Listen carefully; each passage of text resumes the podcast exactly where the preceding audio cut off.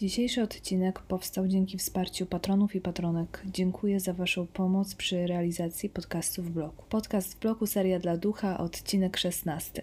Dziś moim gościem jest Patrycja Hurlak, aktorka, pisarka, teolog, kobieta, która doświadczyła piekła, aby głosić niebo. Dręczona fizycznie i psychicznie przez złego ducha, została uzdrowiona i uwolniona.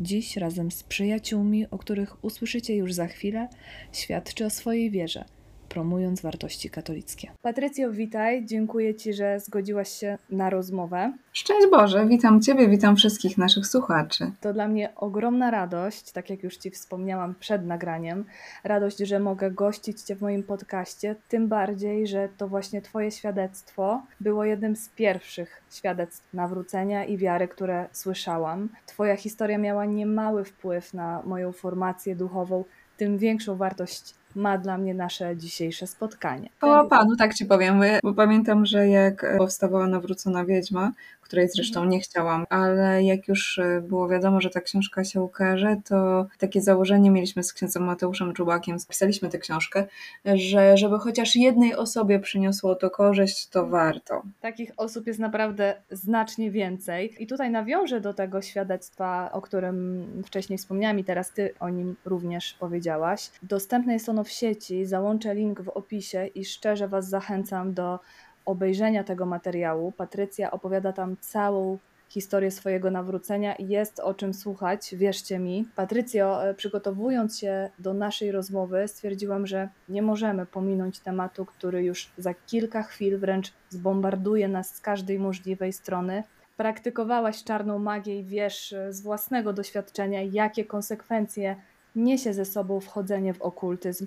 Powiedz, dlaczego Halloween to wcale nie jest tylko zabawa i przebieranki? Znaczy, przede wszystkim trzeba powiedzieć, z czego wynika to święto. Jest to święto pugańskie, jest to święto demonów, jest to święto, w którym wchodzimy w, w zabawę ze złym duchem a zły duch nie ma poczucia humoru. Więc jeżeli ja będę chciała wejść w zabawę z mordercą, to nie znaczy, że on przestanie być mordercą, nawet jeżeli ja będę traktowała to jako zabawę. I niektórzy rzeczywiście przychodzą i mówią: No dobrze, ale ja pójdę tylko po cukierki.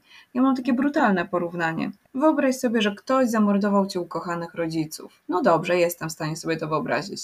Często słyszę odpowiedź. Ja mówię, jest u niego fantastyczna impreza. Pójdziesz? No co też mówisz? Ja mówię, no ale to, to przecież jest tylko impreza.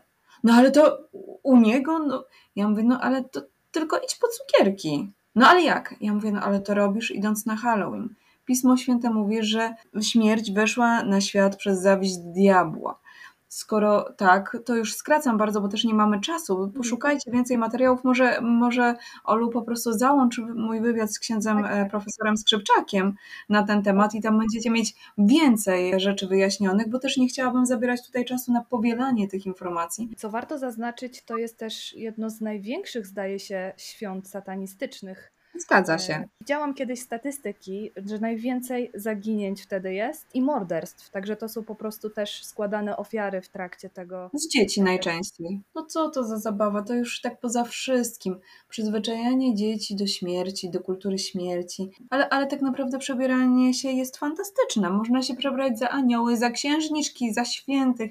Ja widzę w wielu parafiach, w wielu miejscach, bo to jest święto wszystkich świętych, bo to też w Polsce jakoś tak dziwnie, że jest smutno i w ogóle nie. Wszystkich świętych, 1 listopada to jest wielkie święto, to jest święto wszystkich świętych. Wszyscy mają imieniny. I uważam, że kapitalną odpowiedzią, żeby nauczyć dzieciaki, czym jest to święto, jest zrobienie czegoś takiego jak bal wszystkich świętych. Można się znaleźć sobie fantastycznego patrona, jeżeli nawet to nie jest patron nasz z imienia, przebrać się, pobawić, potańczyć, dowiedzieć się czegoś więcej, zrobić konkurs na te kostiumy i każdy z nas ochrzczonych powinien liczyć na to, że jak umrze, to też będzie jego święto. To nie jest Dzień Zmarłych, jest Dzień Zaduszny, Dzień Zmarłych jest dopiero 2 listopada. 1 listopada nie jest dniem zadumy, jak próbują nam media wcisnąć, takim prawda, smutno, świeczkę zapalimy. Nie jest to wspomnienie zmarłych. Wspomnienie zmarłych jest następnego dnia i najczęściej ci wszyscy, którzy oglądają telewizję tylko i wyłącznie i nic więcej yy, nie chcą robić, no to idą smutnie na cmentarz, coś powspominają pierwszego i tego drugiego, gdy tak naprawdę za tych zmarłych powinni się pomodlić, już prawie, że nikogo nie ma na cmentarzu. Dałaś książkę pod tytułem Nawrócona Wiedźma i tak też się określasz, dlatego, że od najmłodszych lat byłaś dręczona i fizycznie, i, przy, i psychicznie przez złe duchy, które przybierając postać zmarłych, bo warto o tym powiedzieć, że one przybierały postać zmarłych, pokazywały się tobie, małej, bezbronnej dziewczynce. Szybko zaczęłaś stosować różne zaklęcia, używałaś księgi do czarnej magii, w tym rzucałaś klątwy, z czasem sama tworzyłaś te zaklęcia, zamówiłaś sobie też miłość, co się wydaje w ogóle niewiarygodne, ale naprawdę tak było. Kariera, wspomniana miłość, wszystko wydawało się idealnie, a jednak ten zły nie odpuszczał. Powiedz proszę, w jaki sposób domagał się spłaty za te wszystkie, w cudzysłowie oczywiście, dobra, które, określmy to przewrotnie, podarował ci? Przede wszystkim muszę doprecyzować, tak, nie ja wydałam książkę, tylko wydawnictwo wydało i to był wywiad ze mną, jeżeli chodzi o Nawróconą Wiedźmę. Nie ja tak się nazwałam, nigdy w życiu bym się tak nie nazwała, to biskup Zbigniew Kiernikowski wymyślił ten tytuł i przekonał mnie do niego ze względów e, ewangelizacyjnych bo ja uważam, że to jest za mocne, nieprecyzyjne i, i tak dalej, ale to tam mieliśmy swoją rozmowę i przyznałam mu rację, ale to nie był mój pomysł. Jeżeli chodzi o tych zmarłych, no to tylko była nikła część tych dręczeń, jeżeli chodzi o postacie zmarłych. I wówczas jeszcze jak pisaliśmy Nawróconą Wiedźmę, to byłam święcie przekonana, że to były demony, które podszywały się pod zmarłych, Dziś z punktu widzenia teologa już muszę powiedzieć, że nie mogę być tego aż tak pewna, ponieważ wiem, że Pan Bóg też dopuszcza, mm, żeby dusze czyścowe się pojawiały w naszym życiu. I myślę, że to, co to było wtedy, i które sytuacje było faktycznie spotkaniem z duszami czyścowymi, a które były dręczeniem, jestem za daleko już w czasie od tamtego czasu. Moja pamięć nie jest aż tak świeża, żebym była w stanie wrócić do tych emocji, czyli do takiego rozeznawania duchowego, która to mogła być sytuacja, dowiem się po śmierci. Na pewno nie było to przyjemne. Na pewno nie były to fajne rzeczy, ale większość tych dręczeń to były dręczenia bliżej niezidentyfikowane, czyli przez e, złego ducha takim, jakim on jest, czyli on może przybierać wszelkie postaci i nie muszą być to postaci ludzi. Może być to cokolwiek innego. Rzeczywiście, jak raz, jak go spotkałam osobiście, no to był niezwykle atrakcyjny, był pod postacią mężczyzny, jakiego nigdy w życiu nie widziałam, ale trzeba pamiętać, że diabeł, tak samo jak i aniołowie, zresztą diabeł jest upadłym aniołem, to są duchy bezcielesne i mogą naprawdę przebrać jaką chcą formę, mogą być bez ciała, bez niczego, prawda? Atakować, łapać za ręce, za nogi i wiesz, tego bym na pewno nie chciała na antenie opowiadać, ale na pewno użyłam magicznej rzeczy do tego, żeby sobie zamówić chłopaka, bo to do tego się odnosisz. Ten człowiek się pojawił na drugi dzień, okazał się być bardzo, bardzo złym człowiekiem ale po długim czasie mówienia świadectwa swojego w parafiach, ja się zorientowałam, bo to sobie zamówiłam, wypisując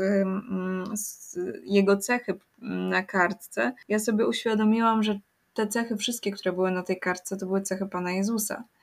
I to w ogóle sobie uświadomiłam, mówiąc świadectwo.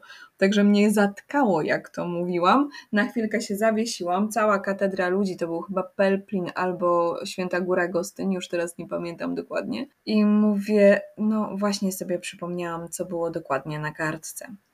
I wtedy y, zaczęłam patrzeć na tę historię, że może mogło być tak, że ja, moje serce wiedziało dokładnie, kogo szuka. Diabeł szybko podsłuchał, no bo użyłam do tego okultystycznej rzeczy, więc podstawił kogoś, kto pozornie przypominał tamtą osobę.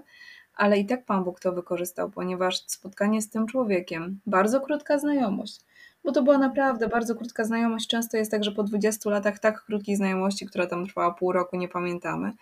Ale to była trudna znajomość, bo człowiek był przemocowy, ale po ludzku ktoś by powiedział, że to jest największe przekleństwo. Ja dziś z perspektywy czasu powiem, że to było moje największe błogosławieństwo. Ta znajomość, dlatego że dzięki tej znajomości ja w końcu szczerze zawołałam do Pana Boga. I być może rzeczywiście to było też zbyt dopustu Bożego, nie wiem, mówię, po śmierci się dowiem, to jak to dokładnie wygląda z perspektywy Bożej, bo ja mam wrażenie, że naprawdę w niebie to mają czasem z nas taką polewkę, jak tak. patrzą na te nasze rozkminy tutaj, ale ja za tego człowieka się modlę, bo ja uważam, że skoro też jest dzieckiem Bożym, no to mimo tego, że spotkałam go w momencie, gdy był na bardzo złej drodze, no to też jest ochrzczonym dzieckiem Bożym. I może w ostatniej chwili się nawróci, może w ostatniej chwili spotka Pana Jezusa, coś może się wydarzy w tym sercu prędzej czy później. Co do spłaty, diabeł y, daje złotówkę, a zaraz życzy sobie miliona za to, więc y, on nigdy nie daje nic za darmo i nie ma takiej możliwości, żeby wziąć coś, nawet bzdurny horoskop, przeczytać sobie i za niego nie zapłacić. Mamy przykazania, mamy dekalog i do tego wszystkiego mamy katechizm, który nam bardzo jasno tłumaczy, co w to wchodzi, bo tak to ktoś powie enigmatycznie, nie będziesz mieć bogów cudzych przede mną. Ale katechizm jasno określa, że między innymi też wchodzi tam grę wiara i czytanie horoskopu, wiara w horoskopy i ich no czytanie. Wchodzę w grzech przeciwko pierwszemu przykazaniu.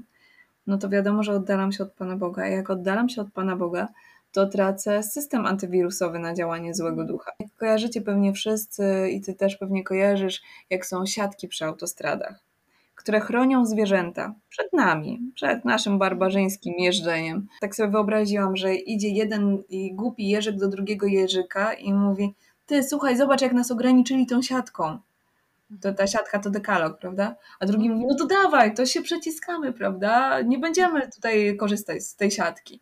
No i przecisnęli się, no i co, no weszli pierwszy tir i nie ma jeżyków. Więc karą za grzech jest śmierć. Jeżeli ja tracę stan łaski uświęcającej, czyli wchodzę w grzech i w nim trwam, no to nie mam ochrony przed złym duchem, i, a on jest mordercą, zabójcą. Chce przede wszystkim dla nas potępienia. Chce, żebyśmy zostali w jego drużynie a tam wcale nie jest fajnie. Wspominałaś, że mówiłaś nie swoim głosem, no wiadomo, to są jakieś... Rzeczywiście była taka sytuacja, jeżeli chodzi o to, że mówiłam nie swoim głosem, że miałam ponadnaturalną siłę, bardzo się wściekłam na kogoś, by to był taki poziom agresji, że on spowodował to, że usłyszałam, że mówię nie swoim głosem i usłyszałam, że mówię rzeczy, które miały siłę sprawczą. Czyli mówiłam, niech stanie się tak i tak i to i wiedziałam, że to się zadzieje. I wtedy się siebie bardzo wystraszyłam. Były przy tym dwie osoby, nie było w stanie nade mną zapanować fizycznie. I to był moment, kiedy się wystraszyłam, ale jeszcze nie zreflektowałam. Trafiłam do księdza. Niestety trafiłam do księdza, dlatego odsyłam jednak do księży egzorcystów, którzy mają jakieś pojęcie, bo trafiłam do młodego księdza, który nie miał wiedzy i który mi wówczas powiedział, że, że widocznie mam dodatkowe zdolności, siły dobra i zła się o mnie biją dał mi tałkę i taki wymodlony krzyż przez siostry i powiedział, że jak to będę miała przy sobie, to diabeł mi nic nie zrobi. Czyli dał mi amulety. Przypuszczam, że nie miał tutaj żadnej złej woli. Jak rozmawiam z księżmi, to mówią, że bardzo mało wiedzy na ten temat jest w seminarium. A to był młody ksiądz. Czyli ja już miałam tę intuicję, że w kościele odnajdę pomoc. Mhm. Tylko po pierwsze, ten ksiądz mi nie powiedział, że ja robię cokolwiek złego. Nie wyjaśnił mi też, że nie mogę być osobą twierdzić, że jestem wierząca, a nie przychodzić na niedzielną Eucharystię, nie korzystać z sakramentu. To dopiero po latach, po wielu, wielu latach, jak przeczytałam całe Pismo Święte, to się zorientowałam, że jak mówiłam, że jestem wierząca, nie praktykująca, to mówiłam, że jestem tak wierząca jak diabeł. Bo on jest wierzący, nie praktykujący. On wierzy, on nawet wie, ale przykro mi nie praktykuje. A ja myślałam, że ja utożsamiam się z Panem Bogiem. Wszystko było ekstra, tylko nie uznawałam Kościoła. Ale jak szukałam pomocy, no to szukałam pomocy w kościele. Tylko, że nie trafiłam na odpowiednich ludzi, którzy by wiedzieli, jak mi pomóc. Dlatego to wielokrotnie podkreślam, że jeżeli ktoś szuka, to nie zniechęcać się należy pierwszą osobą w kościele, jaką spotkał. Czy to będzie ksiądz, czy to będzie osoba świecka, bo może być to osoba na przykład, która przychodzi co niedzielę do kościoła ale nie ma najmniejszego pojęcia i na przykład idzie do kościoła, a za chwilę idzie na Halloween, a za chwilę sobie czyta horoskopy z gazetek, a za chwilę idzie na zakupy w niedzielę. Trzeba być bardzo ostrożnym w zasięganiu opinii i jeżeli e, ta rada nas nie satysfakcjonuje, czyli nie dostaniemy tej informacji, no to warto drążyć dalej. Później drugi raz znowu trafiłam do księdza, bo ja byłam bardzo dręczona. Byłam e, później tak dręczona, że nawet jak mieszkałam z kimś, no to pojawiały mi się postacie. Nie pomagało to, że ktoś był w jednym pomieszczeniu, więc znowu trafiłam do księdza. No i ten ksiądz znowu mi nic nie powiedział o okultyzmie, że ja źle robię tylko powiedział, że nie mogę żyć z chłopakiem żonatym. To był chłopak, z którym wtedy mieszkałam, mieszkaliśmy wiele lat, on nie był z żoną, był w trakcie rozwodu, Zresztą ją znałam, także to nie było tak, że ja komuś odbiłam tego męża, czy coś w tym stylu, ale pamiętam wtedy, jak ten ksiądz mi tak powiedział. On nawet mi powiedział o spowiedzi, chyba nawet mnie wyspowiadał, jak dobrze pamiętam, i chyba wtedy nawet przyjęłam komunię świętą, ale on mi nie powiedział, że tę spowiedź trzeba powtarzać. Tak powiedział, no dobrze by było, jakby pani chodziła w niedzielę do kościoła, ale nie powiedział, że jak nie będę chodziła, to będę w grzechu ciężkim. I nic mi o okultyzmie nie powiedział, że coś źle robię, e, tylko powiedział, że nie mogę być z chłopakiem, który ma żonę. I dla mnie to był jasny przekaz, więc wróciłam wtedy do Warszawy, powiedziałam temu chłopakowi, dobrze, dziękuję bardzo, wyprowadzam się, bo to się Panu Bogu nie podoba, bo ja mam radykalny charakter. Moja moralność stała się zachwiana, czyli z normalnej moralności takiej naturalnej, z prawa naturalnego, moja moralność stała się, jak pewnie pamiętacie, w pustyni i w puszczy, stała się moralnością Kalego. Mhm. Czyli co jest dobre, jak Kali komuś ukraść krowę, a co jest złe, jak ktoś Kalemu ukraść krowę. I mhm. miałam e, takie podejście. Uważałam, że to jest właściwe podejście. Czyli nie miałam tego rozeznania dobra od zła. I to nazywa się, nawet w teologii to się nazywa tak zwane oszukane sumienie, czyli że barometr, który mamy w sobie, takie wskaźniki, które mamy w sobie, czyli sumienie, które nam podpowiada, co jest dobre, co jest złe, co się Panu Bogu, co się podoba, co się Mu nie podoba, każdy ma naturalnie. Wierzący, niewierzący, my to mamy, bo to jest wpisane w nasze serce ale może się wydarzyć coś tak ze świata, co nas wychowa inaczej i co nam popsuje te mhm. wskaźniki. I one są skrzywione i to się nazywa oszukane sumienie. Jakby ktoś szukał, no to ja o tym pisałam chyba w pierwszej części o ważnych rzeczach, takiej serii książeczek apologetycznych e, związanych z Akademią Katolicką i ale z bardzo prostym językiem i tam jest taki rozdział po co nam sumienie, no to właśnie też piszę o tym, że, o tym, że może być to oszukane sumienie i to jest takie sumienie, jakie ja miałam. Czyli nie miałam najmniejszego pojęcia, że robię komuś coś złego. I jak tylko dostałam informację, że to może być dla kogoś coś złego, to ja się wycofywałam z takiej rzeczy. Tylko po prostu nie miałam tej informacji. Kiedy miała miejsce u ciebie taka prawdziwa, nazwijmy to, szczera spowiedź, kiedy poczułaś, że, mm. że właśnie dokonałaś tego, co przez lata ci się nie udawało, bo nie miałaś tej wiedzy, tak jak wspomniałaś. Taka pierwsza spowiedź, faktycznie taka spowiedź związana z nawróceniem i, ro, i przywróceniem rozeznania dobra od zła i z, związana z następnego dnia zakochałam się w Panu Jezusie, bo pierwszy raz go po tych wszystkich latach przyjęłam. Naprawdę, to, e, to był Kraków, to był Kraków, to był 2000 jedenasty rok, jakoś jesień, po awanturze, którą zrobiłam Panu Bogu, że już naprawdę nie rozumiem, dlaczego wszyscy mogą go przytulać podczas Komunii Świętej i się z nim jednoczyć bardziej niż małżonkowie, a ja nie, bo to zrozumiałam. Mm, to usłyszałam, że mam jechać do Krakowa. Przepraszam mieszkańców Krakowa. Krakowa nie lubiłam najbardziej na świecie ze wszystkich miast, więc się zbuntowałam. Mówię, jak mam jechać do Krakowa? Nie lubię Krakowa. To polub i jedź. No i to była tak natrętna mi, że wsiadłam w samochód i pojechałam nie wiadomo po co do tego Krakowa i tam w bardzo dziwny sposób znalazłam się w kościele mariackim. Wiedziałam, że nie wolno mi się spowiadać, bo jeden okultysta mnie ukłamał, że mi nie wolno się spowiadać yy, i tym samym przyjmować Komunię Świętej. Jakby ktoś mnie za kurtkę pociągnął do tej spowiedzi. Więc ja taka pełna obaw podeszłam i do księdza pierwsze co powiedziałam, nawet nie szczęść Boże czy tym podobne, tylko powiedziałam, że ja nie wiem po co ja tu przyszłam na co usłyszałam od niego, ale ja wiem, ja na panią czekam. Więc to była taka sytuacja. Tak wyglądała ta moja pierwsza spowiedź po latach. A jak teraz podchodzisz do sakramentu pokuty i pojednania? Wielu naszych słuchaczy jeszcze przed nimi nawrócenie być może. Jak mogłabyś ich zachęcić? Jeżeli idziemy właśnie na łączkę i gdzieś tam po facetowi nie będziemy opowiadać, no to no to nikt nam nie powie, ta łączka nam nie powie, ja odpuszczam tobie grzechy, idź w pokoju i nie grzesz więcej nie mamy tego bezpośredniego spotkania z Panem Jezusem w tym sakramencie. Jeżeli chodzi o to, jak ja się czuję bez spowiedzi w ogóle, jak tam dwa tygodnie nie jestem u spowiedzi, y, no to się czuję, jakby ktoś mnie wrzucił w błoto. Tracę cierpliwość, robię się nieznośna dla siebie, dla innych, więc jednak to coś daje. Uważam, że bez codziennej mszy świętej, tak jak w moim przypadku, i bez tej co dwu, dwu maksymalnie co trzy tygodniowej spowiedzi, bo to co trzy tygodnie to tylko wtedy, kiedy nie mam dostępu do spowiednika, bo też czasem się tak zdarza, że gdzieś jestem w podróży, że gdzieś są księża, których nie znam, a jednak mam swojego spowiednika. Mam swojego spowiednika, może tak i mam kilku zastępczych w różnych miejscach, ale też nie chciałabym, kto, ktoś, kto mnie nie zna, to też nie wiem, prawda, czy, czy, czy zrozumie, czy wszystko będzie trzeba opowiadać. Wiadomo, że w zagrożeniu życia, czy jakby była taka sytuacja, że byłabym w grzechu ciężkim, to to nie interesuje mnie, czy to jest y, ksiądz, którego znam, czy nie znam. Bo też to, co jest ważne, jeżeli ktoś ze słuchaczy jest w grzechu ciężkim, w grzechu śmiertelnym, to warto powiedzieć, nigdy nie, ja nigdy nie dopuszczam do takiej sytuacji, żebym poszła spać, jeżeli jestem w grzechu ciężkim. Jeżeli wpadnę w mhm. grzech ciężki, nie idę spać. dopóki nie trafię e, do spowiedzi i nie usłyszę, że ten grzech jest opuszczony, dlatego że ja nie wiem, czy ja się rano obudzę. W grzechu śmiertelnym i spać e, to jest dramat, bo co będzie, jeżeli jutra nie będzie? Co będzie, jeżeli pójdzie jedna bomba atomowa? Co będzie, jeżeli świat się skończy? Co będzie, jeżeli będę mieć zawał w nocy? Czy cokolwiek innego? Nie czekam. I czasem księża się ze mnie śmieją, że im robię robotę, ale jak jedę do parafii i o tym mówię, to mówię, może proboszcz będzie na mnie zły, ale jeżeli jesteście w grzechu ciężkim, to dobijajcie się na plebanie, aż w końcu wam otworzą.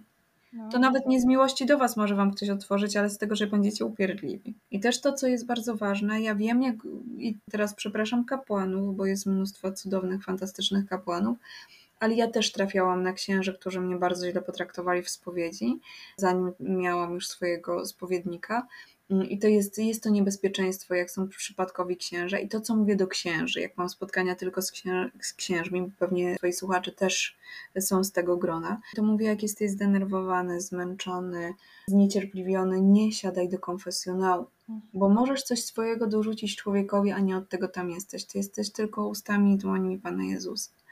I nie wolno ci komuś ubliżyć, czy, czy dokuczyć, czy przelać czegokolwiek swojego ale no, wszyscy jesteśmy ludźmi, wszyscy jesteśmy grzesznikami. Ten ksiądz i ja jesteśmy grzesznikami. Jeżeli trafisz na księdza, który cię źle potraktuje, to można zrobić dwie rzeczy: albo obrazić się na Pana Boga, a nie radzę, bo to przecież tam też siedzi człowiek, albo iść poszukać innego księdza. Pamiętam taką sytuację, że babeczka, nie powiem wam kto, mam cały czas z nią kontakt oczywiście, trafiła na takiego księdza, który ona najpierw do mnie zadzwoniła, zapytała, czy to, co zrobiła, jest grzechem.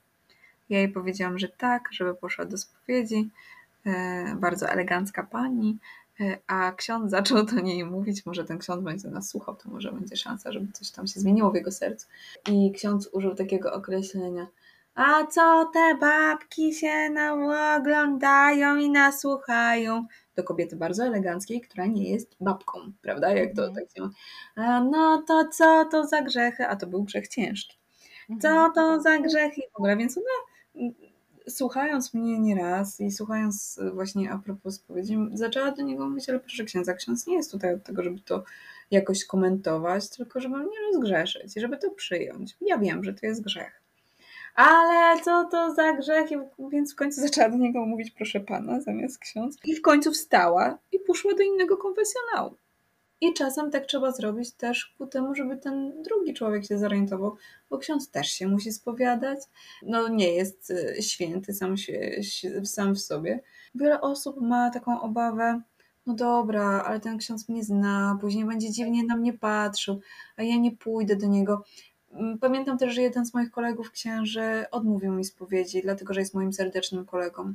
I mówi, że on nie, on znajomych nie spowiada. Później zrobiłam mu wyrzut, bo mówię, zobacz, jechałam w trasę, a jak ja bym nie przeżyła tej trasy, jaki byś zaciągnął, jaką winę byś zaciągnął. Tu nie ma relacji, czy kolega, czy nie kolega, czy mnie zna, czy mnie nie zna. I też trzeba pamiętać, że jeżeli nie jest to stały spowiednik, jeżeli nie jest tak ustalone, że, że będziecie coś kontynuować dalej i tym podobne, to księża mają wyjątkową łaskę i ja ją też mam. Stąd mogę o tym mówić. To jest łaska od Pana Boga w niczym niezasłużona przez nas, niepamiętania. Czyli na przykład ty byś przyszła Oluć do mnie z jakąś intymną sprawą, z jakąś poradą, z czymś. Ja bym cię wysłuchała, pomodliła się, bym ci coś na to odpowiedziała. I jeżeli by nie było potrzeby, żebym ci pomogła później jeszcze w tej kwestii, to odeszłabyś ode mnie i ja już nie będę pamiętała, o czym mówiłaś. To jest niewiarygodne. I jak przyjdziesz drugi raz, to byś musiała mi powiedzieć to na nowo.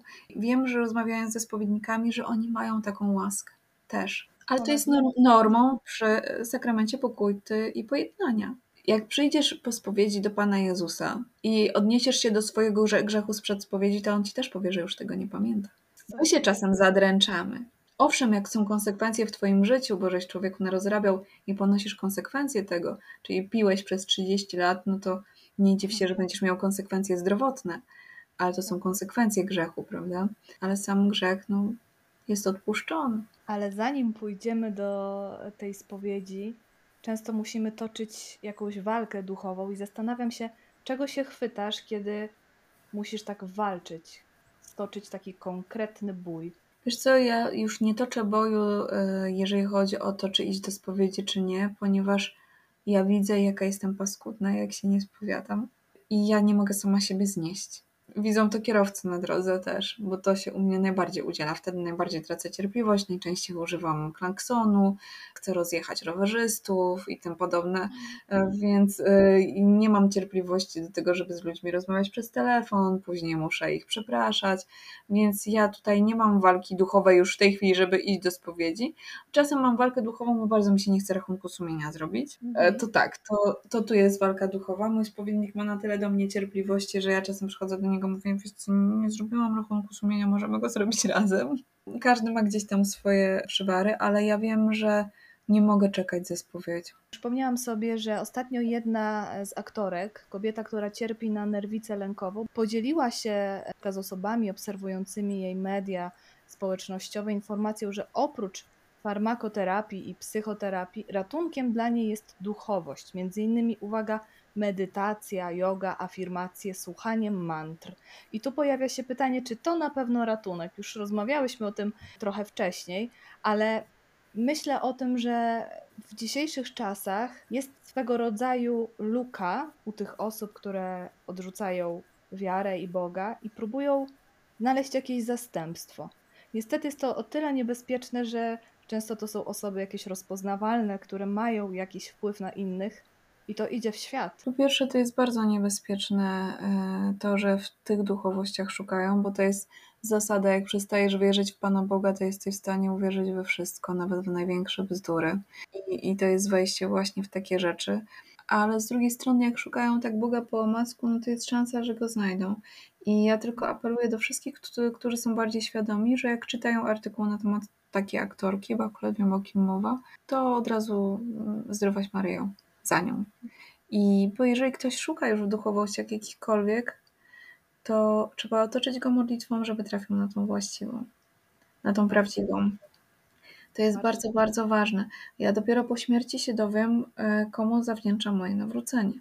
Są e, proste rzeczy. Otaczajmy modlitwą ludzi, których nie znamy, bo nic nas to nie kosztuje. I, I tych żywych, i tych zmarłych. Ja na przykład przez to, że dużo podróżuję, jeżeli chodzi o taką modlitwę właśnie za tych ludzi, którzy, których nie, nie znamy, to taka dygresja, ale zaraz wrócę do tego tematu ty, tych talizmanów i tym podobnych, ale może ktoś z tego skorzysta, na pewno wtedy dużo dusz z tego skorzysta.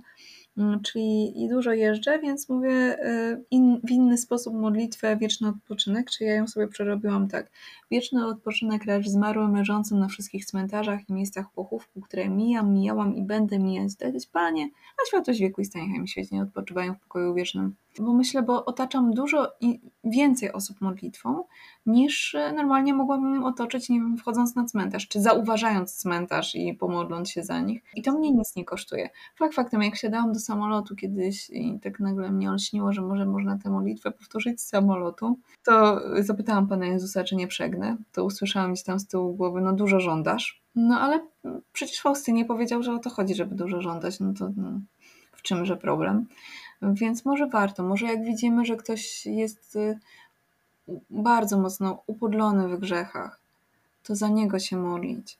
Ale wracając do talizmanów, amuletów, rzecz nam nie pomoże, rzecz nas zwiąże, a używanie talizmanów i amuletów, czegoś na szczęście, na miłość, od uroków, tak samo jak wiara w zabobony, w jakieś czarne koty, jemioły na święta i tym podobne, łuski karpia w portfelu, są to rzeczy, które są grzechem przeciwko pierwszemu przykazaniu, czyli mogę wierzyć albo w Pana Jezusa, albo w łuski karpia w portfelu, albo w Pana Jezusa, albo w czarnego kota, albo w Pana Jezusa, albo w jemiołę powierzoną na święta. Nie da się tego połączyć, albo w Pana Jezusa, i w, a, a, albo w czerwoną kokardkę dziecku przyczepioną od uroków, która ostrzegam rodziców, otwiera dziecko na wszystkie możliwe uroki, a dorosłego, który przyczepił czerwoną kokardkę, pakuje w grzech przeciwko pierwszemu przykazaniu. Jeżeli jest to oczywiście dziecko ochrzczone jeżeli są ochrzczeni, jeżeli nie są poganami.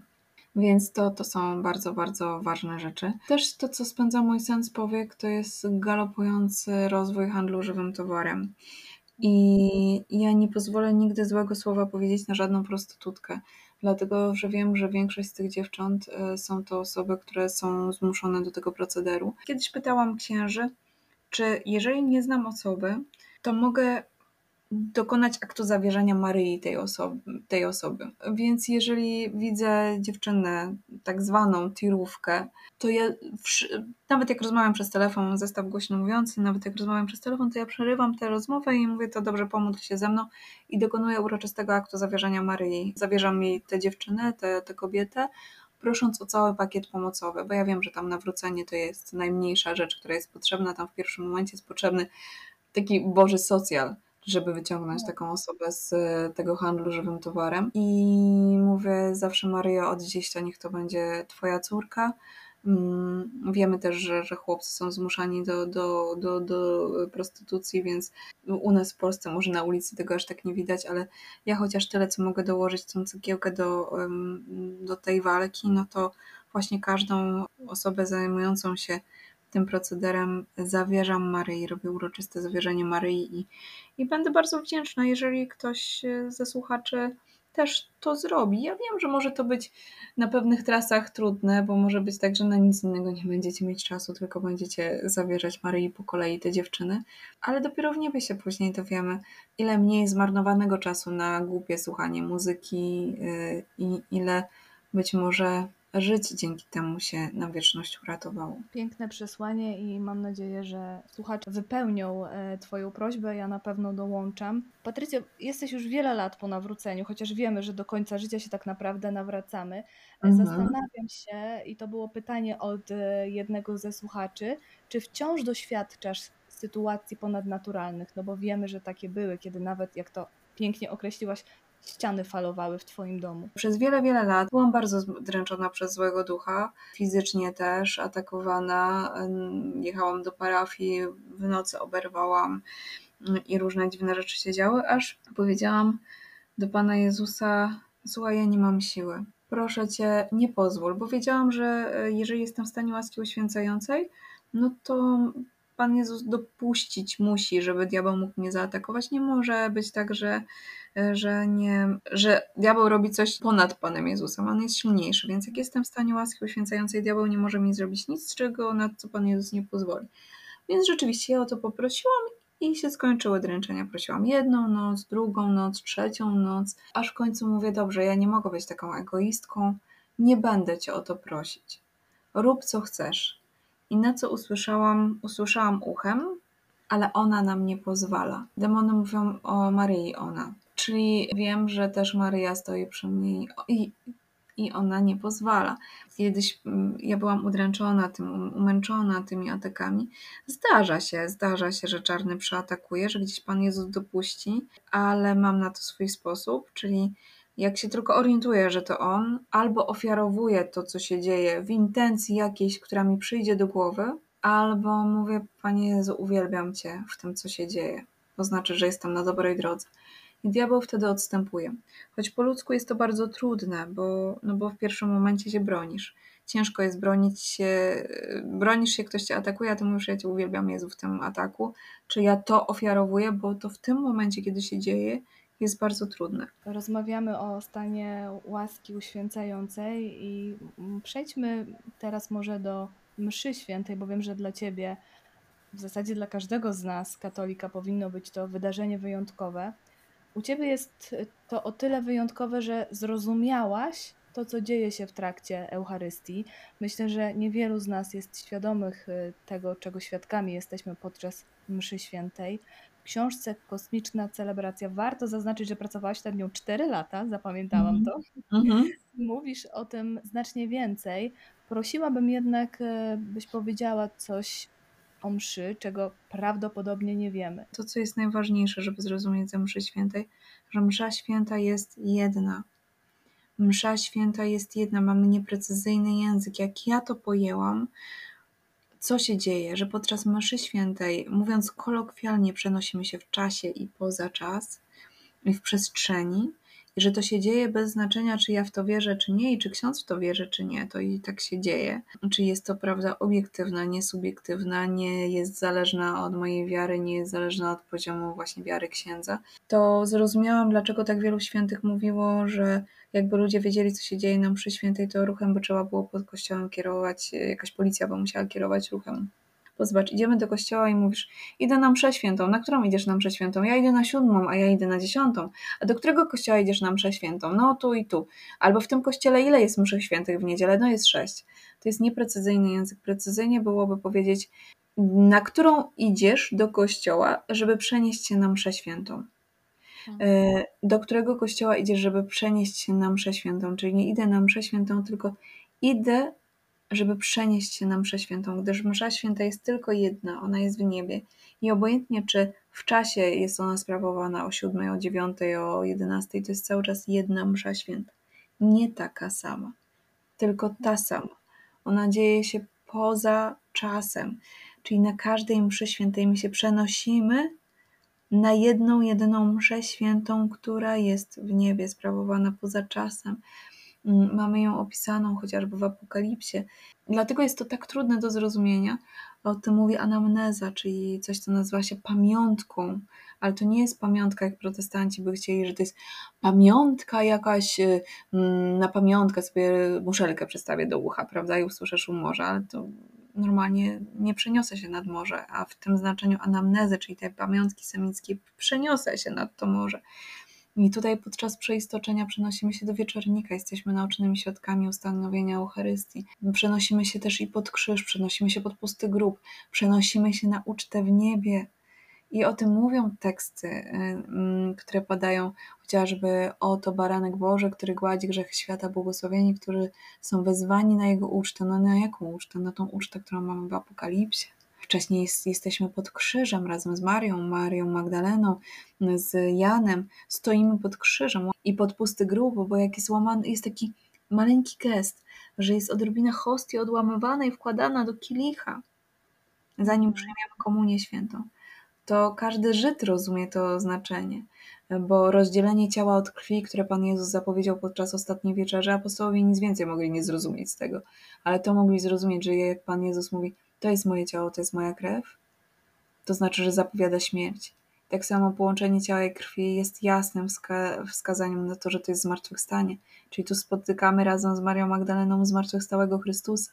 To jest ta sama msza święta, czy właśnie dzisiaj jestem w kościele, czy Karolina Kuskówna ponad 100 lat temu była w kościele, czy Achilles i Herman, moi zaprzyjaźnieni franciszkanie konwentualni, którzy zginęli podczas II wojny światowej, sprawowali mszę świętą, to była cały czas ta sama msza święta, obojętnie czy ona była sprawowana w rycie przed Soborem Watykańskim II, czy przed Soborem Trydenckim, czy w pierwszym wieku, czy dzisiaj sprawowana, to jest cały czas ta sama msza święta. Mówiłyśmy dużo o sprawach tajemniczości.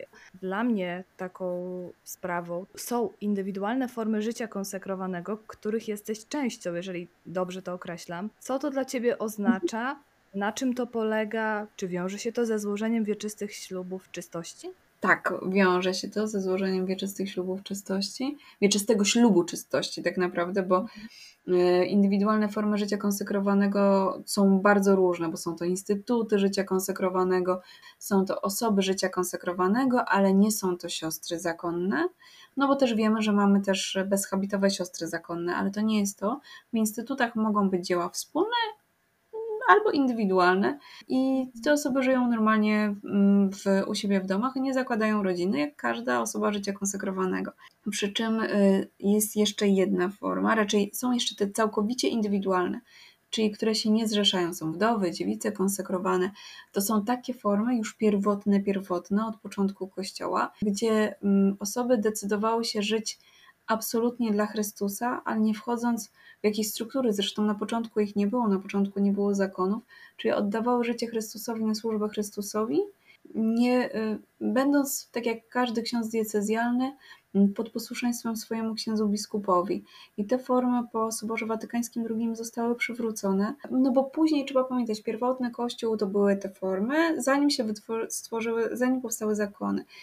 Zakony powstawały też trochę raz. Był na przykład jakiś pustelnik czy pustelnica, którzy zrzeszali uczniów, ale też utylitarnie. Na przykład jeżeli chodzi o kobiety, to był czas bardzo niebezpieczny, żeby samotne kobiety gdzieś były, mieszkały. To były inne czasy. I później powstały zakony. Tak w wielkim skrócie. To jest naprawdę wielkie uproszczenie, wielki skrót. To jest cała historia, wielka historia monastycyzmu, powstawania właśnie zgromadzeń, później rozwoju tych zgromadzeń zakonnych ale po Soborze Watykańskim II okazało się, że Pan Bóg wzbudza te powołania indywidualne na nowo. Osoby w tych indywidualnych formach życia konsekrowanego, takich jak moje, nie składają ślubu posłuszeństwa i nie składają ślubu ubóstwa, bo ciężko by było, by się żyje w świecie, więc niemożliwym jest takie życie w takim ubóstwie jak zakonne, bo wtedy wiadomo, wszystkie pieniążki, które ktoś zarobi w zakonie, no to są do puli wspólnej, to jest zarządzanie klasztorne, jest jakieś kieszonkowe wypłacane, ale nie mam własności. No ciężko by było żyć w świecie i nie mieć własności. I też nie ma takiego przyrzeczonego posłuszeństwa, aczkolwiek jest ono zalecane, z, ja, ja funkcjonuję pod posłuszeństwem e, ze względu na bezpieczeństwo, żeby zły duch człowieka nie ukłamał. Ale ślub składa się jeden, czystość.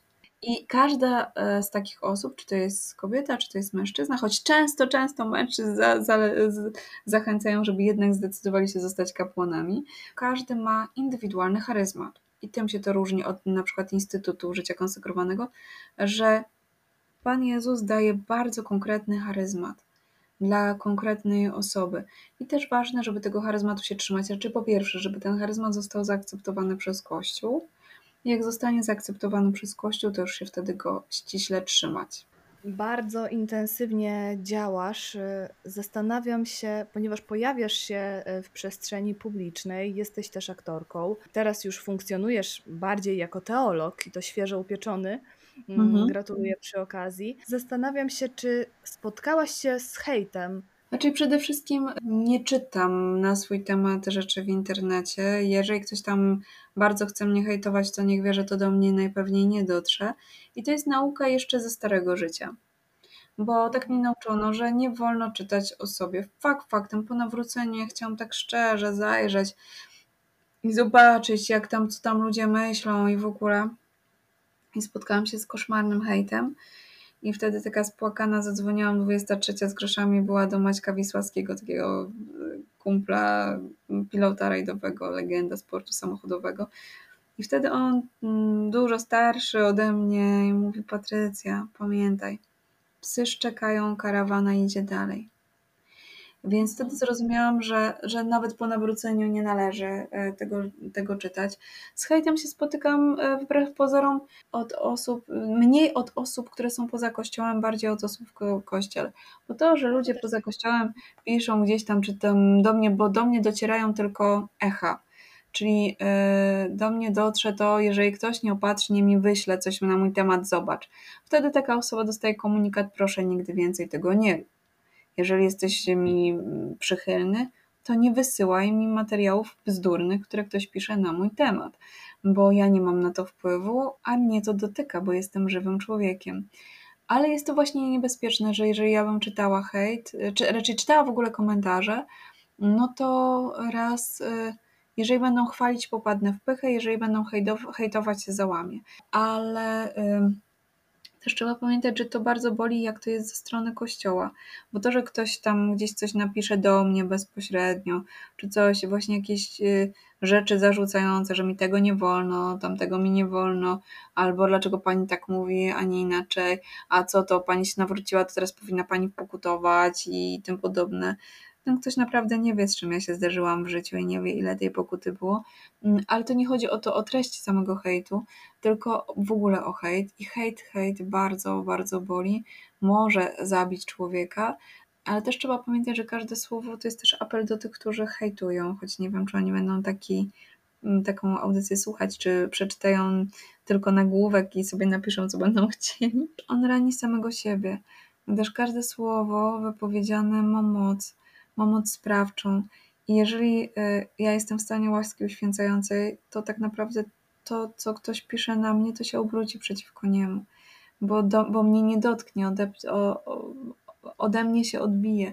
I nie, że to wróci w formie zemsty czy czegoś, żeby też była jasność, tylko jeżeli wchodzimy w grzech i robimy komuś krzywdę, a hejtem robimy komuś krzywdę, y, no to nigdy nie jest tak, że ta krzywda nie pozostawi w nas śladu. Cieszę się bardzo, że y, są takie osoby właśnie jak ty, które pomimo jakiegoś hejtu, który tak naprawdę będzie zawsze nam towarzyszył, osobom, które coś tworzą, że nie zniechęcasz się i po prostu robisz swoje. I w związku z tym, ponieważ e, napisałaś już 8 książek, dobrze mówię? Tak, tak, dobrze mówisz. E, ja nie wiem, jak to się stało w ogóle, ale tak. To nie jest łatwa praca i trzeba to powiedzieć.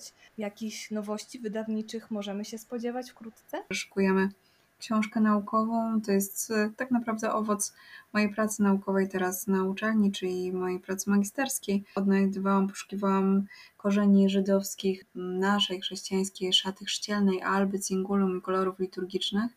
Więc jeżeli wszystko będzie dobrze, no to ta książka będzie niebawem e, mogła trafić w Wasze ręce. Uprzedzam, że to nie jest taki język, który mój znacie, to będzie język naukowy, mm, ale zagadnienia są na tyle ciekawe, że może warto do niej sięgnąć.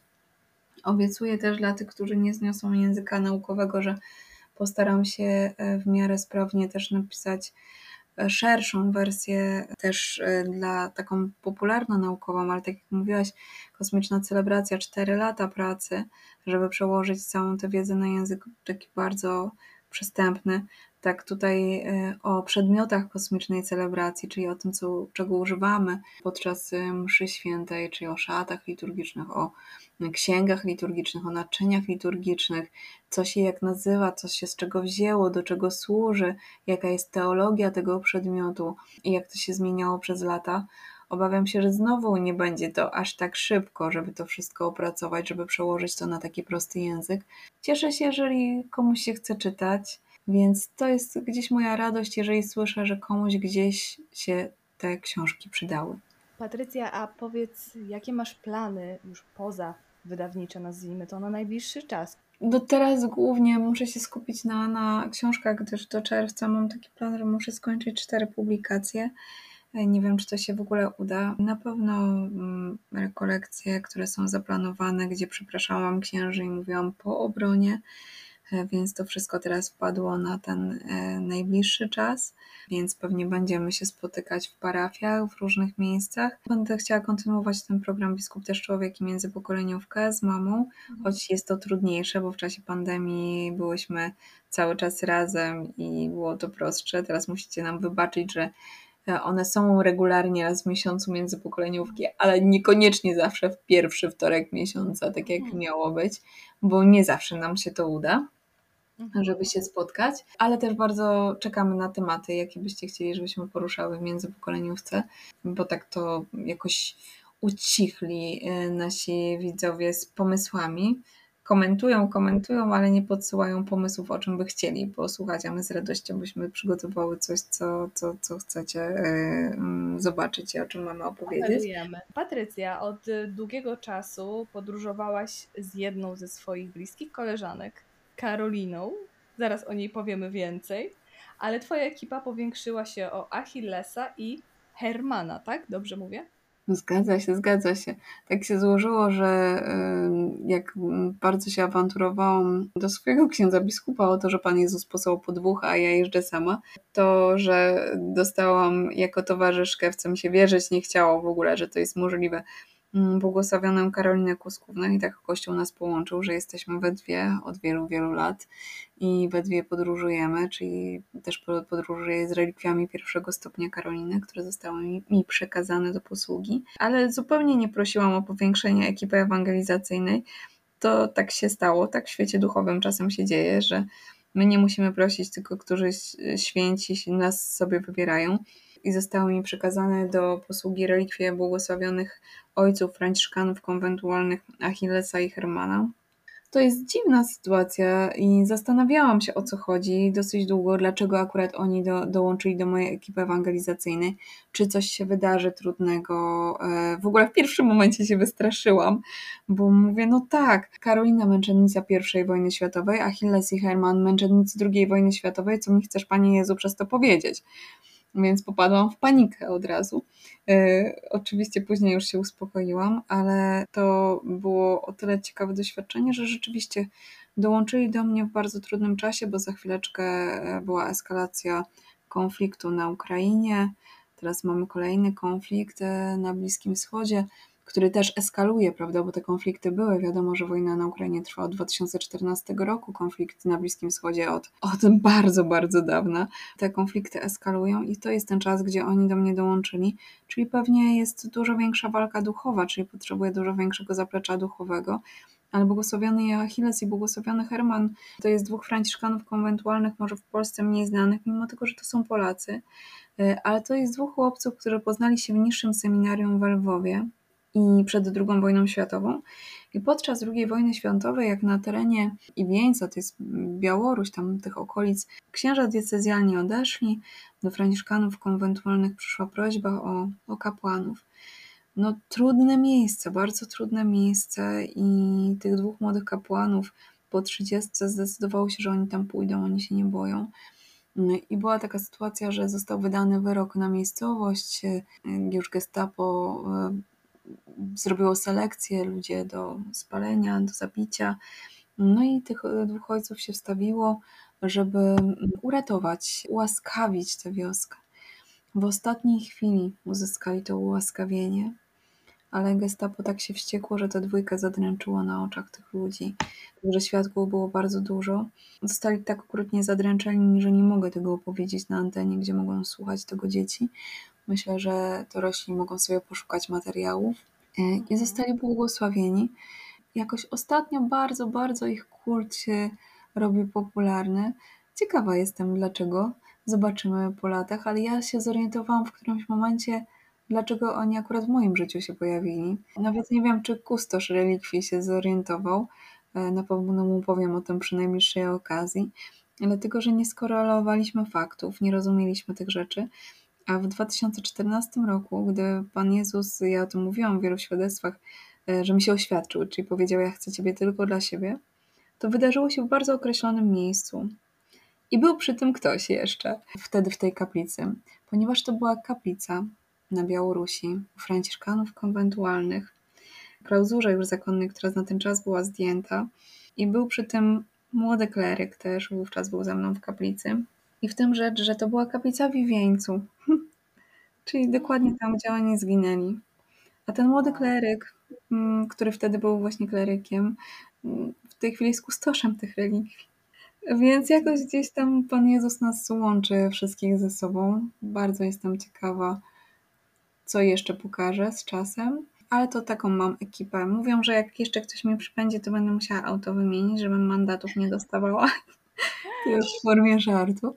Mm, ale taką mam mocną ekipę i oczywiście też trzeba powiedzieć, jeżeli chodzi o wsparcie to duchowe, no to też mam moje siostry, moje plecy modlitewne, siostry Bernardynki w Wieluniu, które serdecznie pozdrawiam, które podjęły się, one były pierwsze, bo później jeszcze kilka zgromadzeń zdecydowało się na tę modlitwę, ale to są moje siostry. One się podjęły modlitwy w intencji osłonowej, też całej mojej posługi imiennej, modlitwy codziennej na początku mojej posługi. I trwają przy mnie, a ja przy nich już, no już ponad 10 lat. Więc to, mm, to tak e, też, jeżeli chodzi o taką opiekę modlitewną, to są moje plecy modlitewne, bo tak to by było bardzo ciężko. Warto powiedzieć a propos tego, bo skojarzyłam, że jeden z moich gości, ksiądz Kamil Dąbrowski, również polecił mi to, abym to, co tworzę tutaj, e, tę działalność związaną z e, promowaniem wiary, też oddała pod opiekę zakonów klauzurowych, które miałyby ją omadlać i tak też zrobiłam. Także też czuję się jakby, można powiedzieć, zabezpieczona dodatkowo. Nie każdy wie, że takie skrzynki modlitewne, skrzynki intencji są dostępne e, w internecie i można w różnych zakonach poprosić o modlitwę i wesprzeć oczywiście też e, przy okazji, jeżeli to jest możliwe, zakon.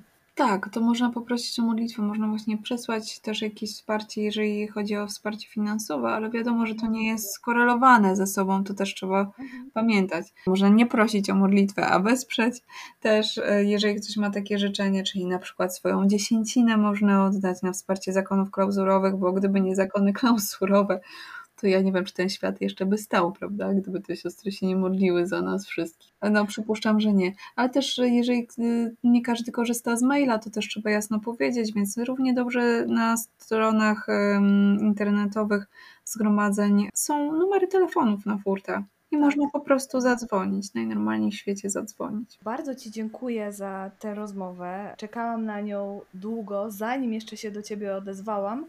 E, już sobie wyobrażałam, że może pewnego dnia uda się i będziemy mogły spotkać się i porozmawiać.